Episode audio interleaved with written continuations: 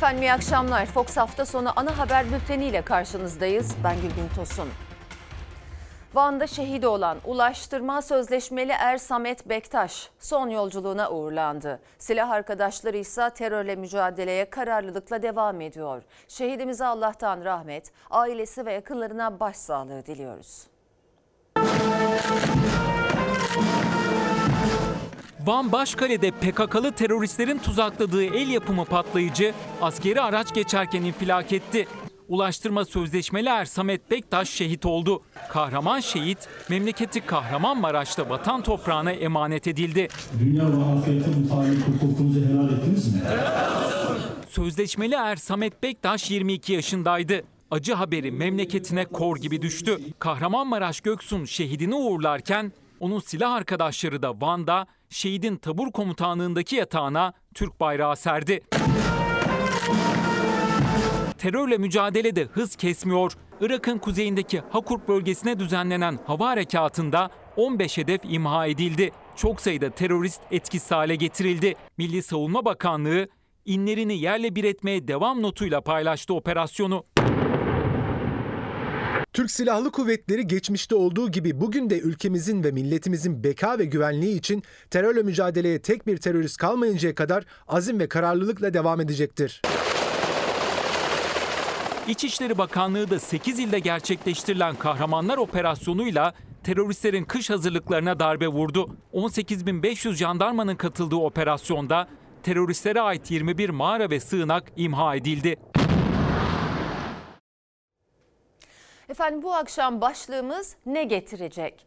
Dün CHP kurultayında yeni genel başkan Özgür Özel oldu. Bugün de parti meclisi seçiliyor. Birkaç saat sonra belli olacak. Değişim CHP için ne getirecek izleyip göreceğiz. Cumhurbaşkanı Erdoğan Rize'deydi. CHP kurultayı ile ilgili neler söyledi birazdan izleyeceksiniz. Acaba CHP'deki gelişmeler Türk siyasetine ne getirecek? O da merak konusu tabii. Sizler de yazabilirsiniz. Evet CHP'de değişim kazandı. Genel başkanlık koltuğu el değiştirdi. Kemal Kılıçdaroğlu 2010 yılından bu yana 13 yıldır sürdürdüğü genel başkanlığı delegenin değişimden yana tavır almasıyla noktalamak zorunda kaldı. CHP Meclis Grup Başkanı Özgür Özel artık CHP'nin yeni genel başkanı. Kılıçdaroğlu genel başkanlığa vedasını ve Halefi Özgür Özel'e tebriğini sosyal medyadan duyurdu.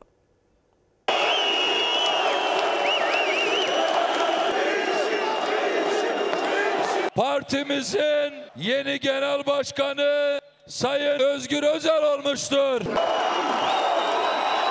CHP'de 13 yıllık Kemal Kılıçdaroğlu'nun liderliği bu duyuruyla ve kazananların sevinciyle son buldu. Özgür Özel CHP'nin 8. genel başkanı olarak yeni döneme adımını attı. 1366 delegenin 812'sinin oyunu alarak Kılıçdaroğlu'na 276 fark atarak genel başkanlık koltuğunun yeni sahibi oldu. İlk sözlerini Fox Haber mikrofonuna söyledi. Çok onurluyum, çok gururluyum. Sırtımdaki yükün farkındayım. Bugün gençler kazandı. Bugün kadınlar kazandı. Bu başarı umudun zaferidir. Bugün kurultay delegelerimizin verdiği kararla genel başkanlık görevine veda ediyorum. Genel başkanlık görevine seçilen yeni genel başkanımız Özgür Özel'i kutluyor, başarılar diliyorum. Partimiz için, ülkemiz için, milletimiz için çok güzel olacak. Bugün bütün Cumhuriyet Halk Partililer kazandı. Özgür Özel ve Ekrem İmamoğlu kaybedilen Mayıs seçimlerinden sonra CHP'de birlikte yaktıkları değişim ateşinin sonucunu yine birlikte yan yana karşılarken Kılıçdaroğlu bu anlardan çok önce salondan ayrıldı. Vedasını ve Özgür Özel'e tebriğini sosyal medyadan paylaştı. Genel Başkanım yanınızdayız. CHP 5,5 aydır kurultayı bekliyordu. 4 Kasım geldi çattı. Kılıçdaroğlu'nun karşısında Grup Başkanı Özgür Özel rakip çıktı. Kurultay salonuna özgürlük şarkısıyla girdi, değişim sloganlarıyla yol yürüdü. Ben size boyu Tayyip Erdoğan'a daha yakın, ona laf yetiştirebilecek bir lider seçmenizi önermiyorum.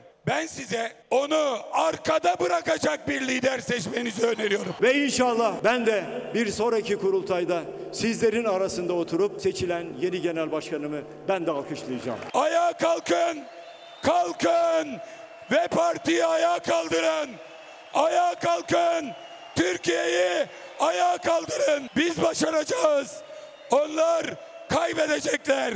Rakipler CHP'nin 38. kurultayında delegenin karşısına bu sözlerle çıktı. Kılıçdaroğlu sonraki kurultayda olmayacağını söyledi ama delege o vadeyi beklemedi. Sandıklar kuruldu, oylar kullanıldı. CHP tarihinde yaşanan ilklerin ayak izleri duyuldu. İlk kez bir genel başkan koltuktayken kaybediyordu. Sayın Özgür Özel 682 oy almıştır. Sayın Kemal Kılıçdaroğlu ise 664 oy almıştır. Genel başkanlık seçiminde sandıklar açıldı. Özgür Özel Kılıçdaroğlu'na fark attı. Yarışı önde bitirdi ama iki oyla salt çoğunluğu kaçırdığı için seçim ikinci tura kaldı. Ama öncesinde Kılıçdaroğlu'nun kazandığı haberleri salona yayılmıştı. Genel merkez taraftarlarının erken sevinci yerini ikinci tur gerilimine bıraktı.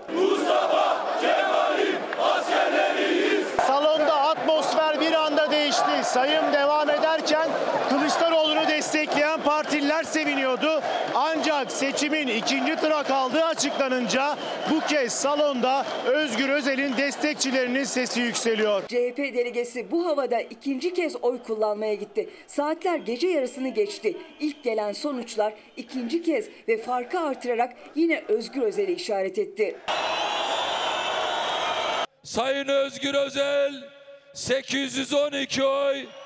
Sayın Kılıçdaroğlu 536 oy. Yarından itibaren seferberlik ilan ediyorum. Elimizdeki belediyelerin tamamını yeniden kazanacak, yanlarına yenilerini ekleyecek ve hep birlikte büyük bir zaferi kazanacağız. CHP'deki lider değişimi ittifakları etkiler mi sorusu akıllarda. İyi Parti lideri Meral Akşener sosyal medyadan Özgür Özel'i tebrik etti. Özgür Özel ise genel başkan seçildiği günün sabahında CHP'nin 3. genel başkanı Ecevit'i ölüm yıl dönümünde kabri başında iktidar sözüyle andı.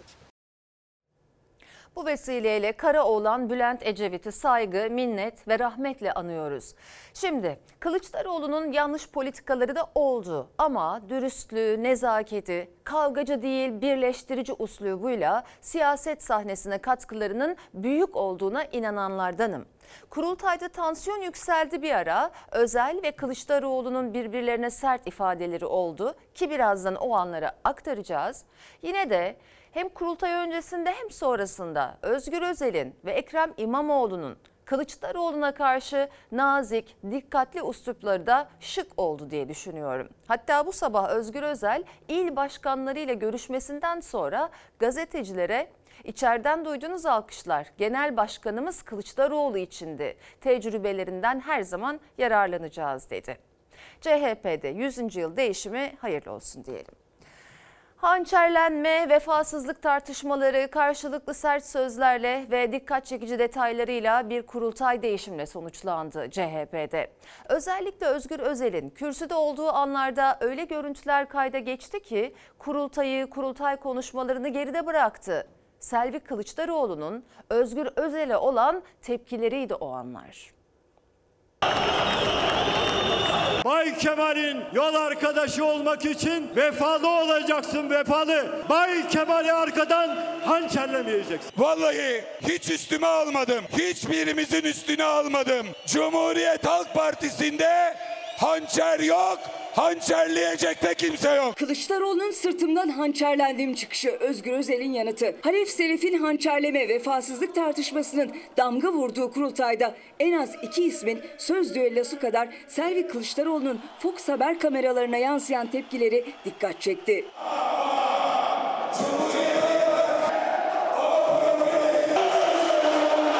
Daha nefes almadan değişim söylemleri başladı. Değişim söylemini dillendirenler uzun süredir değişmeyenlerdir. En iyi siz bilirsiniz ki partilerde hançer olmaz.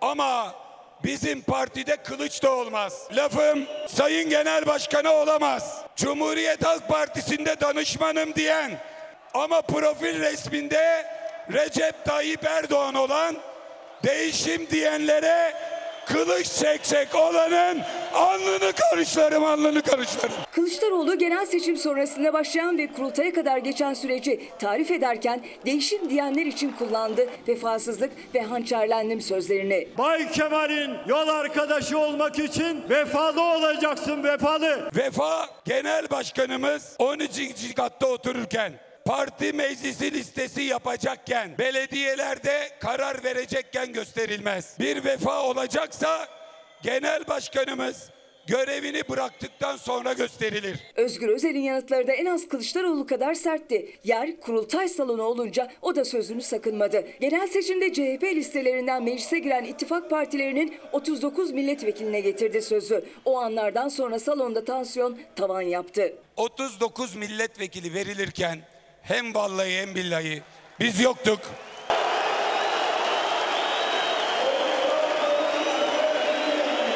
Özel'in konuşmasının tonu yükseldikçe Selvi Kılıçdaroğlu'nun da Özel'e tepkisi arttı. Kılıçdaroğlu ne kadar sakinse o o kadar öfkeliydi. Adeta Kılıçdaroğlu'nun dışa yansıyan iç sesi gibiydi.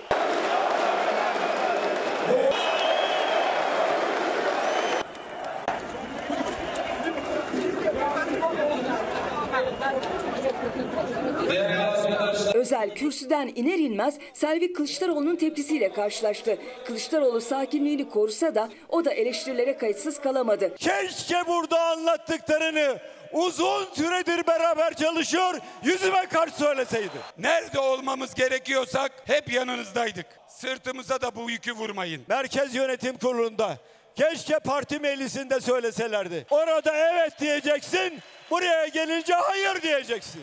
Olmaz olmaz. Genel başkanlarda çifte standart olmaz. Kılıçdaroğlu'nun kürsüde olduğu anlarda protokolde Özgür Özel ve Selvi Kılıçdaroğlu'nun diyaloğu da devam etti. Özel hem konuşarak hem de jestleriyle gönül almaya çalışsa da Selvi Kılıçdaroğlu'nu ikna edemedi. Selvi Kılıçdaroğlu oylamayı beklemeden vedalaşarak salondan ayrıldı.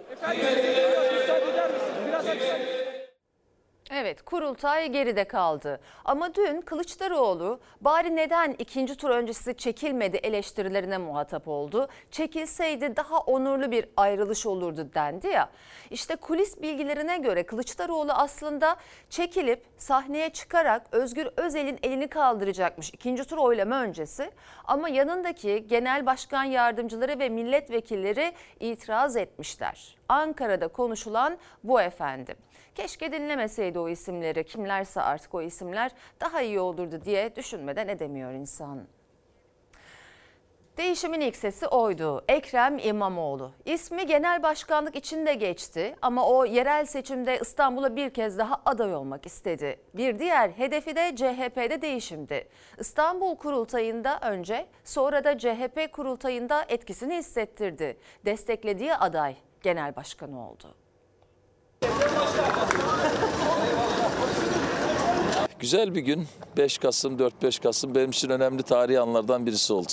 Partimizin yeni genel başkanı Özgür Özel olmuştur.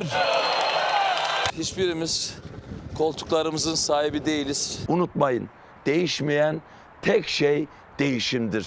Tıpkı 38 yaşındaki Mustafa Kemal Atatürk gibi.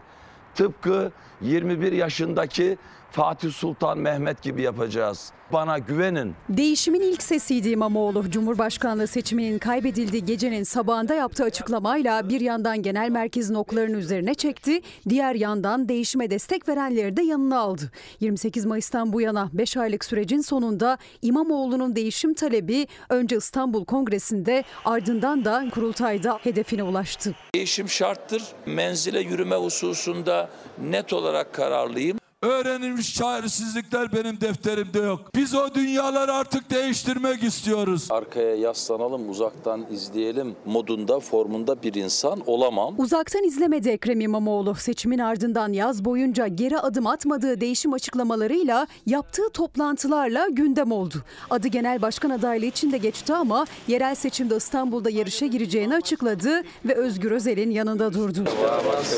Hoş geldiniz. Ekrem İmamoğlu'nu Cumhuriyet Halk Halk Partisi'nin genel başkanı olarak bir kahvesini içmeyi dilek olarak tuttuk. Özgür Özel'in Saraçhane'ye İmamoğlu'nu ziyarete gelirken yolda tuttuğu dileği gerçek oldu. Değişim rüzgarı İmamoğlu ile önce İstanbul Kongresi'nde esti. En çok delege İstanbul'daydı. Kongreyi değişimin adayı kazandı. Ardından o rüzgar Ankara'ya ulaştı. 2024 seçimlerini kazandıktan sonra 2028'i de biz kazanacağız. 2029'u da biz kazanacağız. 2033'ü de biz kazanacağız. Divan Başkanı olarak CHP kurultayını yönetti İmamoğlu. İlk kez kurultayda adaylar dışında bir isim için salonda sloganlar atıldı. Bugüne kadar girdiği seçimlerden galip çıkan Ekrem İmamoğlu, CHP'de de değişimin öncüsü oldu. Gece uzun süren kurultayın ardından Ekrem İmamoğlu uykusuz ve ayağının tozuyla İstanbul'daki maratona katıldı ve yine şimdi koşunun ardından Ankara'ya geri dönecek ve kurultaya kaldığı yerden devam edecek. Ben bu 100. yıldaki maratonu tabii ki ıskalayamazdım. Düğün anı gibi bir şey. Sabah erkenden İstanbul'a geldim ve bu anı yaşadım. Şimdi Ankara'ya döneceğim. Uyuyabildiniz mi? Yok uyuyamadım. Herhalde bir gün daha uyumayacağım ama olsun. Şu anda hiç uyumayacakmış gibi de çalışacak bir motivasyonum var onu söyleyeyim. İmamoğlu değişim için ikna görüşmeleri yaptığı ama sonuç alamadığı Kılıçdaroğlu'yla bu kez helallik almak için görüşecek. Divan e, görevim bittiğinde kendisini arayacağım. Helallik isteyeceğiz tabii ki. Elbette görüşmelerimiz devam edecek. Partimizin büyüğüdür. E, başımızın tacıdır. CHP'deki değişim ilk günden siyaseti ve yaklaşan seçim atmosferini etkiledi. Cumhurbaşkanı Erdoğan CHP'deki değişime dair ilk açıklamasını memleketi Rize'den yaptı. Özgür Özel'in adını anmadı, kazanan zat diye hitap etti ama hedef tahtasına oturtması da dikkat çekti. Ana muhalefetin dün kongresi vardı. Bay Bay Kemal kime bay bay dedi? Kazanan zat. O da aynen Selahattin Demirtaş'a selam verdi.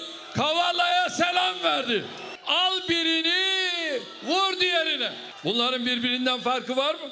CHP kurultayının iktidar Erdoğan cephesinde ilk yankısı. Erdoğan CHP'nin yeni genel başkanı Özgür Özel'in adını anmadı. Kazanan zat dedi. Kurultay salonunda hem Kılıçdaroğlu hem Özgür Özel cezaevindeki siyasetçileri, gazetecileri anarken Erdoğan eski ve yeni rakibine buradan yüklendi. 12-13 seçim kaybettin. Hep onlarla beraberdin. Kazanan e sen de onlarla beraberdin. Bu ana muhalefetin yavrularının burada herhangi bir hizmeti var mı? Bunlara gereken dersi benim hemşerilerim sandıkta en güzel şekliyle verecektir. Özgür Özel yerel seçimler için ilk dakikada seferberlik ilan etmişti. CHP kurultayını yakından takip ettiği anlaşılan Erdoğan da ilk gün yerel seçim kampanyasını başlatmış gibiydi. Partililerine ilk uyarıyı Rize'den yaptı. Yerel seçimlerde de milletvekili sayımızda düşüş yaşadık. Herhalde yerel seçimlerde aynı düşüşü yaşamayız.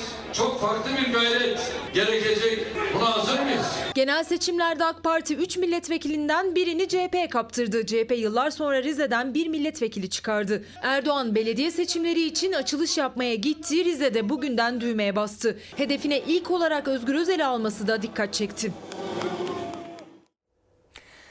Mesela Süleyman Bey ne demiş? CHP'deki değişim ne getirecek ne götürecek zaman gösterecek ama kırgınlara, küskünlere, değişimden yana olanlara umut olacağı kesin. Ama bir diğer izleyicimizin görüşü de farklı. O da diyor ki akıllı çoban rüzgarın getirdiği samana güvenmez.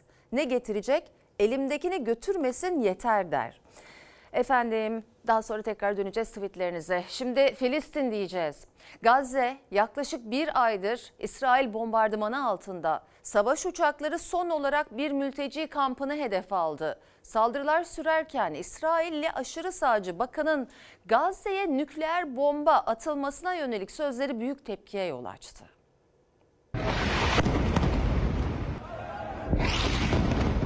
İsrail işlediği sivil katliamlarına bir yenisini ekledi. Ev, hastane, okulları hedef alan İsrail son olarak Megazi mülteci kampını vurdu. Saldırıda çoğu kadın ve çocuk 51 kişi yaşamını yitirdi.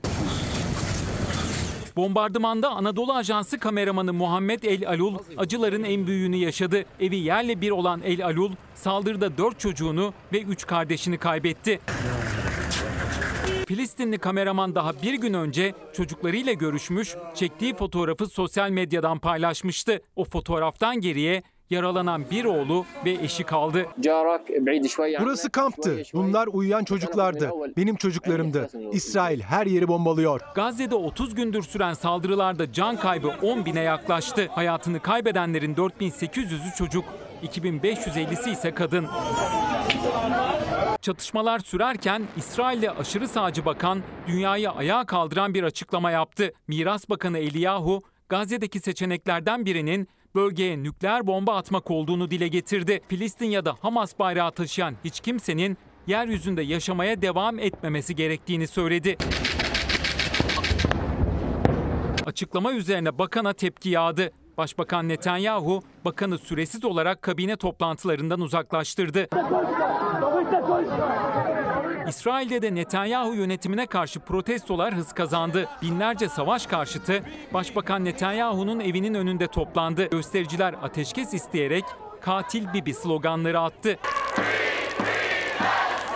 Dünyada da ateşkes çağrıları artıyor. Amerika Birleşik Devletleri'nin başkenti Washington'da ülke tarihinin en büyük Filistin'e destek gösterisi gerçekleşti. Gösteriye yaklaşık 300 bin kişi katıldı. Türkiye'de de İsrail'in saldırılarına tepkiler büyüdü. Filistin halkına destek için binlerce kişi Adana'daki İncirlik Üssü önünde toplandı. Bir grup üsse girmek isteyince polis kalabalığa biber gazı ve basınçlı suyla müdahale etti.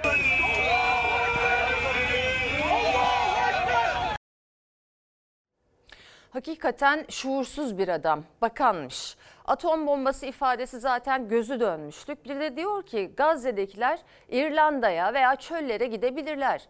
E iyi de sen nereden geldin o topraklara? Bir araştır bakalım. Sen kimi nereden kovuyorsun?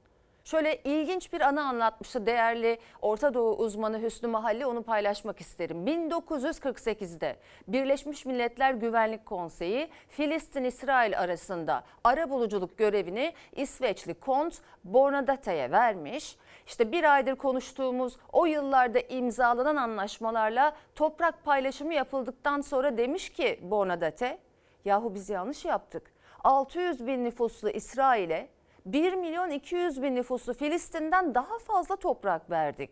Ve bir yıl sonra da sırf bu sözleri için terör örgütleri tarafından öldürülüyor. Niye anlattım? Daha o yıllardaki büyük haksızlığın nasıl başladığını ve bunun da kabul edildiğini, haksızlık yapıldığının kabul edildiğini bilmeniz için.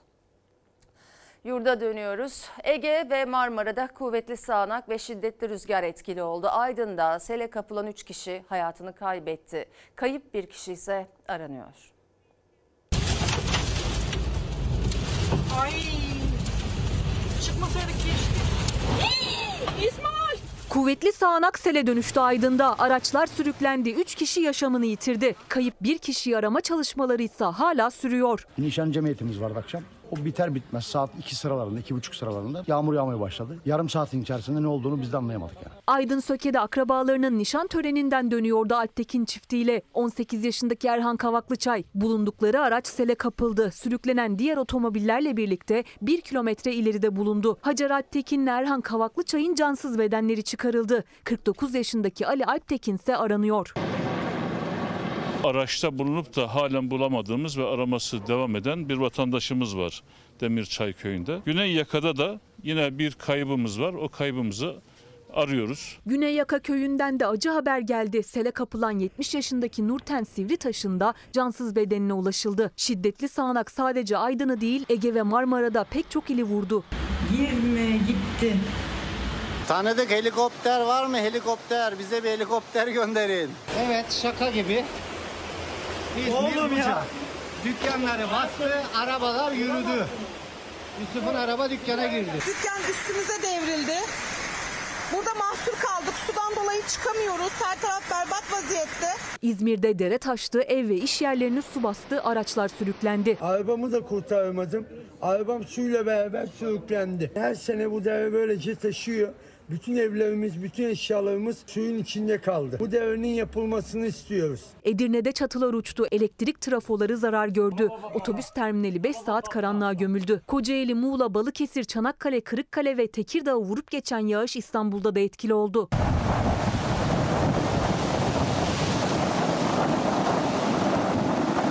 Yeni haftada yağış Karadeniz bölgesinde ilerleyecek. İstanbul Valiliğindense Marmara ve İstanbul'un Karadeniz kıyısı için sabaha kadar sürecek şiddetli fırtına uyarısı yapıldı. KYK yurtlarındaki asansör skandallarının önü kesilmiyor. Bu kez öğrenciler Muş'taki yurtta mahsur kaldı. Üç öğrenci görevlilerin yardımıyla kurtarıldı.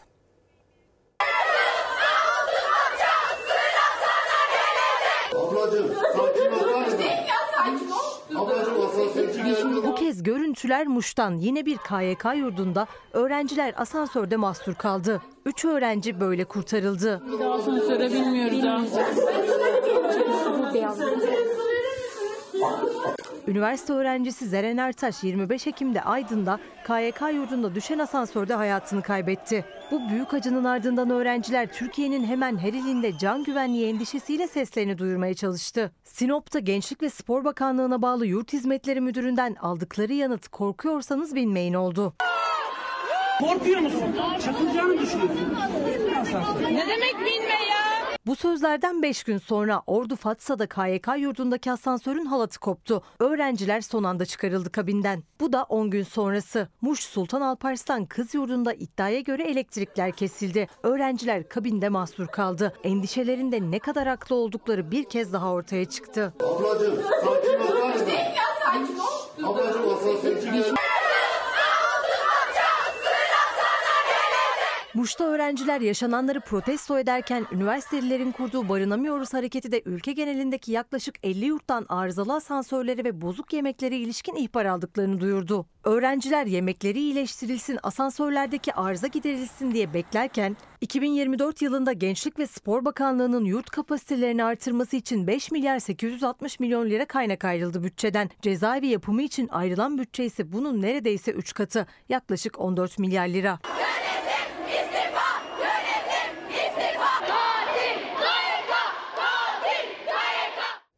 Hatırlatayım Gençlik ve Spor Bakanı Osman Aşkın Bak da çıkıp KYK yurtlarındaki asansörlerin bakımları zaten düzenli yapılıyor, provokasyona izin verilmemeli demişti. Her eleştiride provokasyon, yanlışları ortaya koyan haberlerde dezenformasyon. Ne ala. Zaten bir gencimizi çocuğumuzu kaybetmişiz. Hepimizin acısıdır o.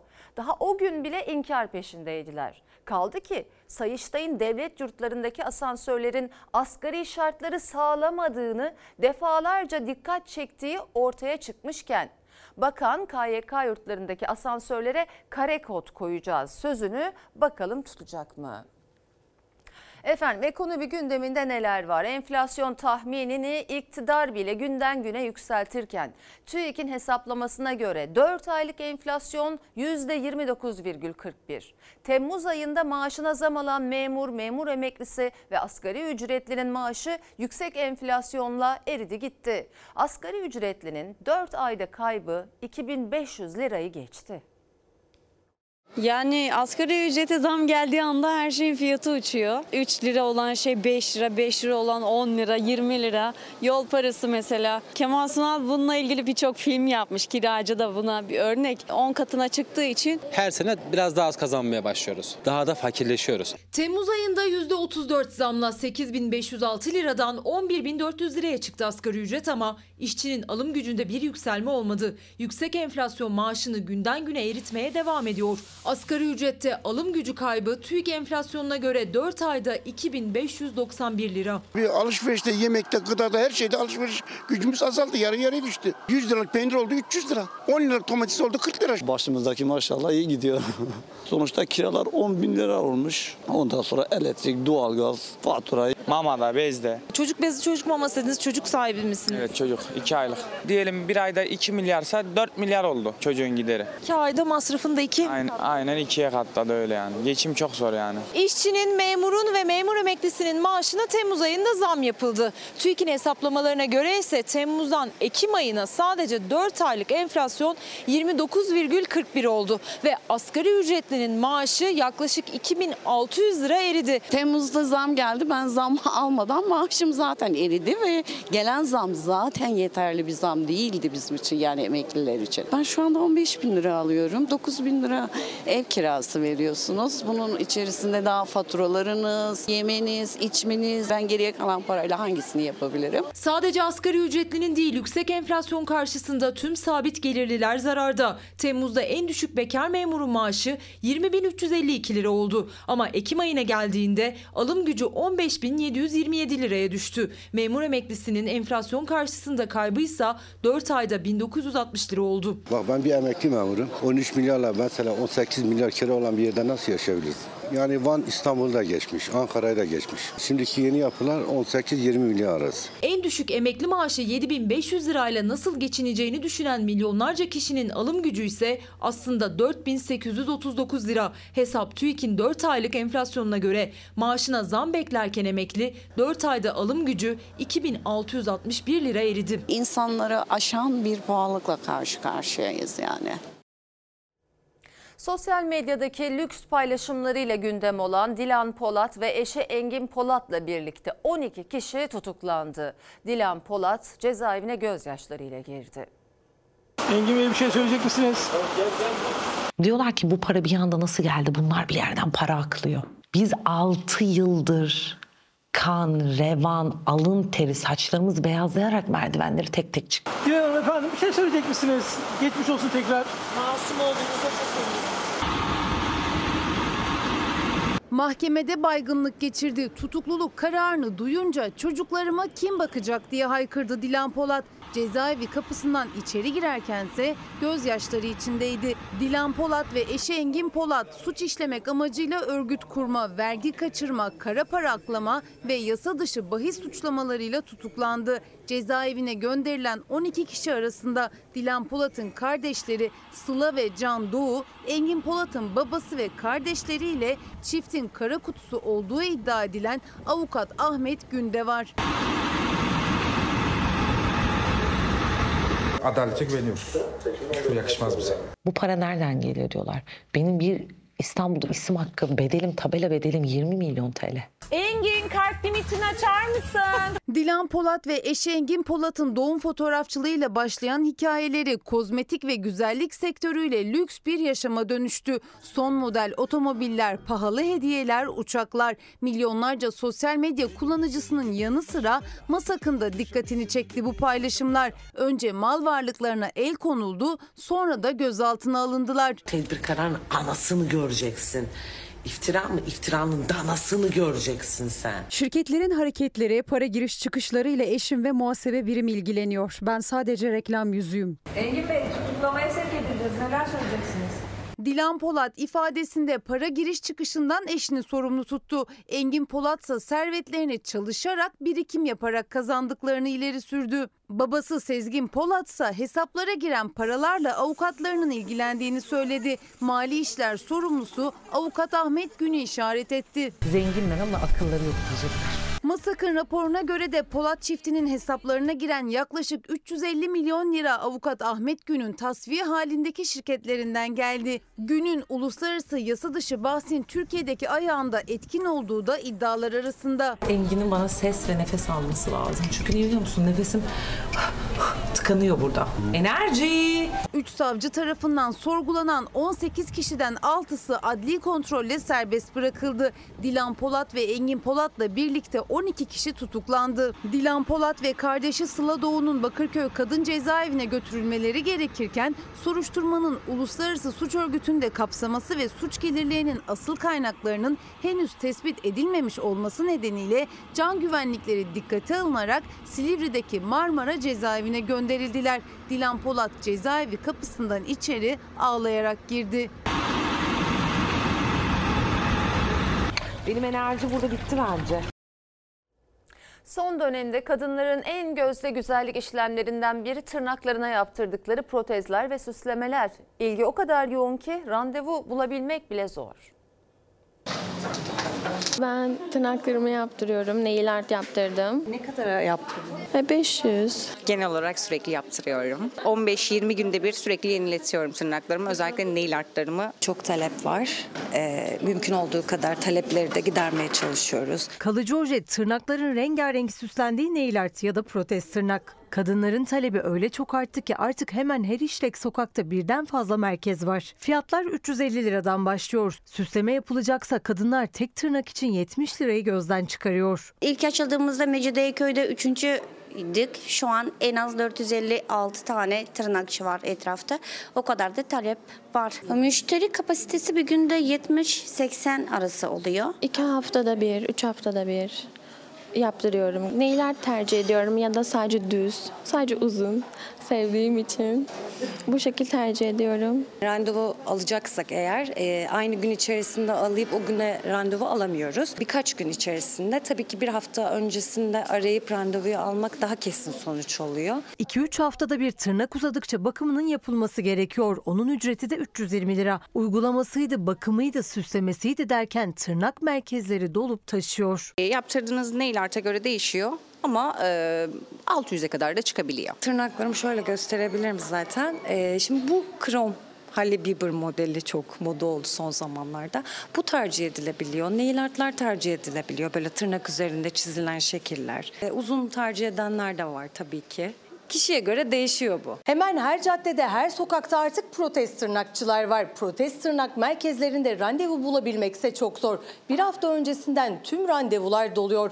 Protez tırnak ücretleri ise 350 liradan başlıyor, 600 liraya kadar çıkıyor. Tabii ki önce birinci koşulumuz sağlık ve hijyen. En dikkat ettiğimiz hususlardan bir tanesi bu. Birinci sınıf malzeme kullanmaya çalışılıyor her şeyden önce.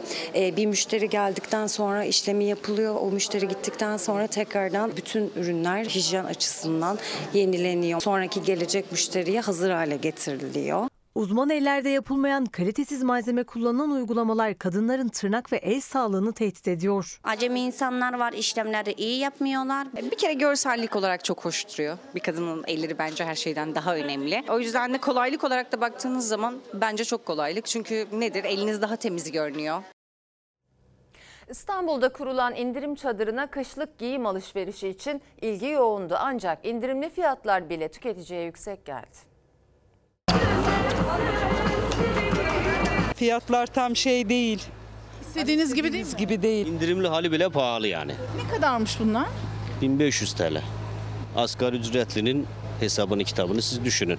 Evdeki hesap çarşıya uymadığı gibi indirim çadırına da uymadı bu defa. Artan fiyatların hızına indirim çadırları da yetişemedi. Bütçesi daha rahat olanlar kışlık ürünleri mağazadan ucuza bulduğu için mutluydu. Ama geliri artan fiyatlar kadar artmayan asgari ücretli emekli eli boş döndü indirim çadırından. Pahalı geldi bana. Bana aşar bütçemi. 300 liralık almak isterim. 400 almak isterim. Mevsimliğe şu anda ihtiyacım var alamayacağım. 400 lira ayırabilmişti ama İstanbul Avcılar'daki indirim çadırında en ucuz mont 600 liraydı. Mağazalarda 3000 liraya olan montlarsa üçte birine satıldı çadırda. Kışa geri sayımda beklenti ise fiyatların daha düşük olmasıydı. 1000 TL'lik montlar var. Onları 800-600 falan bekliyorduk. Eşortman takımı 800 lira diyor. Nasıl? Almam al. Pahalı mı geldi? Pahalı geliyor tabii ki. İhtiyacınız var mı? Var tabii. Kış geliyor. İndirim çadırlarını takip ediyoruz. Yapacak bir şey yok. Mont, ayakkabı, bot. Öyle şeyler. Hepsini alabilir misiniz? Yok, alamayız. Alamayız. Nelere öncelik vereceksiniz? Öncelik ayakkabı. 200 liraya spor ayakkabılar ilgi gördü. İndirim çadırına daha yüksek bütçe ayırabilenlerse kışlık alışverişini yapabildi. Mont aldık, çanta aldık. Ne kadar tuttu toplamda? Toplamda 200 çanta. Yani genelde normalde 300-400 lira falan ama mont 800, 1, 1 TL falan. Mont bakıyorum, sonra ayakkabı bakıyorum öyle. Nasıl bir mont, nasıl bir ayakkabı? Ee, bu tarz şeyler bakıyorum genelde. Öyle. Var mı peki? Ne kadar? Uygun yani fiyatlar güzel. Ortalama fiyatı 5000 6000 civarı. Bizde 1000 lira maliyetinde altında e, satışa sunuluyor. Test edebiliriz. Ee, burada orijinalleri biliyorsunuz ki yanmaz hiçbir şekilde. Böyle çakmakla yaktığımız zaman ürünlerde herhangi bir şekilde risk olmuyor. İndirim çadırında lüks tüketim ürünleri de ilgi gördü. Dışarıda 6-7 bin lira olan deri ceketler 1000 liraya, 30 bin lira olan kürkler 3 bin ile 6 bin lira arasında satışa sunuldu. Daha lüks mağazalarda fiyatlar genel anlamda e, aşağı yukarı 20 bin, 30 bin yani minimum 15 bine bir kürk alabiliyorsunuz. Biz e, dediğim gibi burada müşterilerimize bu ürünleri 3 bin ile 6 bin arası fiyatlandırmayla sunmuş oluyoruz. Çoğu kere baya uygun. Alacak mısınız kürk? Bakıyoruz şimdi. Ee, tekrar girip alacağız yani. Niyetimiz var almaya. Birkaç parça alabilirsin aynı parayla. Dışarıda maalesef bunu alamayız. Türkiye Futbol Federasyonu Fenerbahçe ile Galatasaray arasındaki Süper Kupa'nın bu yıl Suudi Arabistan'da oynanmasına karar verdi. Her iki takım taraftarı da karara tepkili. Futbol severler maç Cumhuriyet'in 100. yılında Türkiye'de olmalıydı dedi.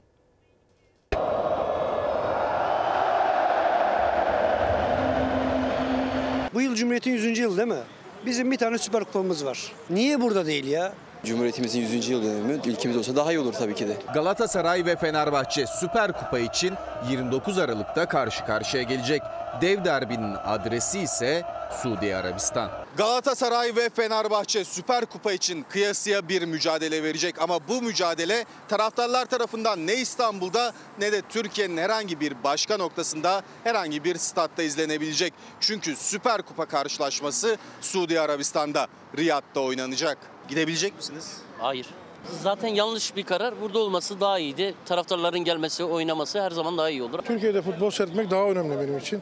O yetkililer bunu düzeltmesi lazım. Türkiye bizim için önemli. Biz Türk olduğumuz için Türkiye'de seyretmek istiyoruz. Ziraat Kupası'nın sahibi Fenerbahçe ile Süper Lig şampiyonu Galatasaray'ın karşılaşacağı Süper Kupa'da maçın galibi 2 milyon 800 bin euro. Yani 85 milyon Türk lirasının sahibi olacak. Süper Lig 2023-2024 sezonunda galibiyet alan takımların ödülü ise 2 milyon 488 bin Türk lirası. Riyad'daki galibiyet Süper Lig'deki yaklaşık 35 galibiyete denk geliyor. Bence parayla değişilecek şeyler değil. O yüzden de yanlış bir karar olduğunu düşünüyorum. Burada olması iyi olurdu. Biz de üzüldük yani Arabistan'da olmasına açıkçası. Kaybeden takım da eli boş ayrılmayacak Riyad'dan. O da 2 milyon euroyu kasasına götürecek. Zaten takımlar da bu yüzden olumlu bakıyor. Türk taraftarların oraya gitmesi sıkıntı. Cumhuriyet'in 100. yılına hani böyle bir şeyin denk gelmesi yani kendi ülkemizde olmasa daha güzel olurdu. Suudi Arabistan ülkede aylar sürecek büyük festival kapsamında gerçekleştiriyor organizasyonu. Cumhuriyet'in 100. yılı kutlanırken Süper Kupa'nın Suudi Arabistan'da oynanması kararı hem Galatasaray hem Fenerbahçe taraftarlarının tepkisini çeken sebeplerden. Onlar Türkiye'de tarafsız bir statta takımlarının karşılaşmasını ve futbol şölenini Türkiye'de yaşayabilmeyi istiyor. Ağlamak istemiyorum şu an. Ben Galatasaraylıyım, Türk'üm. Galatasaray'ın Fener, Fenerbahçe'mizin maçını Türkiye'de izlemek istiyorum. Çok basit. Takımların teknik hocaları istemiyor, taraftarlar istemiyor. Bu neyin ısrarı? İktidarın Araplara verdiği değer yüzünden mi? Oysa 29 Ekim günü 100. yılımızı halk olarak, toplum olarak ne kadar coşkulu kutladık bizler. Nasıl sahip çıktık o gün? Tüm olumsuzluklara rağmen, engellere rağmen yaptık bunu. 100. yılda Arabistan bana göre de yakışmıyor. Değerli seyirciler, kıtalar arası tek maraton olan İstanbul Maratonu her yıl renkli görüntülere sahne oluyor. Ama bu kez iki renk hakimdi, kırmızı ve beyaz. 100. yıl coşkusuyla koşuldu maraton. Kırmızı! Way they go then, they are underway in the public run. Merhabalar. 80 senedir koşuyorum. Sadece koşmuyorsunuz. 80 yaşında. 80 Ha? mi? Ha, ha. E, taklalar da atıyorsunuz koşarken. Atarım. Hiçbir sağlık problemi yok maşallah. Yok yok yok. Bir gün doktora gittiğim yok. 100 yıllık Cumhuriyet'in 80 yaşındaki delikanlıları da İstanbul Maratonu'ndaydı. Cumhuriyet'in güçlü kadınları da. Bakın şu an bütün trafik durmuş. Bizlerin geçmesini bekliyor. Her sene olduğu gibi güçlü kadınlar için. Cumhuriyetimizin 100. yılını kutluyoruz. Büyük atamızın gönlüne koşabilmek için bu maratona katıldık. Aa, biz Kazakistan'dan geldik. Çünkü İstanbul'da bu maraton çok iyi ım, olur. Bu yıl 45.si düzenlenen kıtalar arası maraton her yıl renkli görüntülere sahne oluyor ama bu yıl en anlamlı iki renge büründü maraton. Kırmızı ve beyaz. Bakın hayat doluyuz. Ha, hayat enerjisi topluyoruz. Saçlar da güzel olmuş. Evet yakışmış mı bilmiyorum. Gayet iyi. Evet her şey çok güzel olacak sevgiler. Atatürk için katıldım. Türkiye Cumhuriyeti için katıldım. Aslında bu koşu her yıl yapılıyor ama bu yıl bir başka önemi var. Çünkü Cumhuriyet'in 100. yaşı kutlandı ve hemen hemen herkesin elinde ya Türk bayrakları var ya da bu şekilde mesajı. Cumhuriyet'in ilk günleri gibi. Evet. Pankartınız. Aynısı. Bir daha yok. Benim için 100. bir daha olmayacağı için bugün bunun için geldim. Yaşasın efendim Cumhuriyet. Cumhuriyet. Tam da bu nedenle bu yılki İstanbul Maratonu'nun sloganı 100 yılın koşusuydu. 15 Temmuz Şehitler Köprüsü'nde her bir kare daha da anlamlıydı. 100. yıl anısı için. En büyük amacım burada fotoğraf ve video çekmek. Herkese tavsiye ederim. 57 yaşındayım. Aile yakaladım sizi. Ne kadar tatlı görünüyorsunuz. Çok teşekkür ederiz, çok sağ olun. Mustafa Kemal Atatürk'ün izinde olduğumuzu, bunu buradan e, tüm Türkiye'ye seslenmek istiyorum. Yaşasın Cumhuriyet diyorum. İnşallah 101. yılda da buradayız ve hep buradayız. Atletizmde dünyanın da yakından takip ettiği Anadolu yakasından başlayan tarihi Yarımada'da biten kıtalar arası İstanbul Maratonu'nu erkeklerde de kadınlarda da Kenyalı atletler kazandı. Istanbul Marathon in 2023. Şimdi ara zamanı. Efendim Fox hafta sonu ana haber bültenini burada noktalıyoruz. Fox'ta yayın dizimiz Kirli Sepeti'nin yeni bölümüyle devam edecek. İyi bir akşam geçirmenizi diliyoruz. Hoşçakalın. Dostuma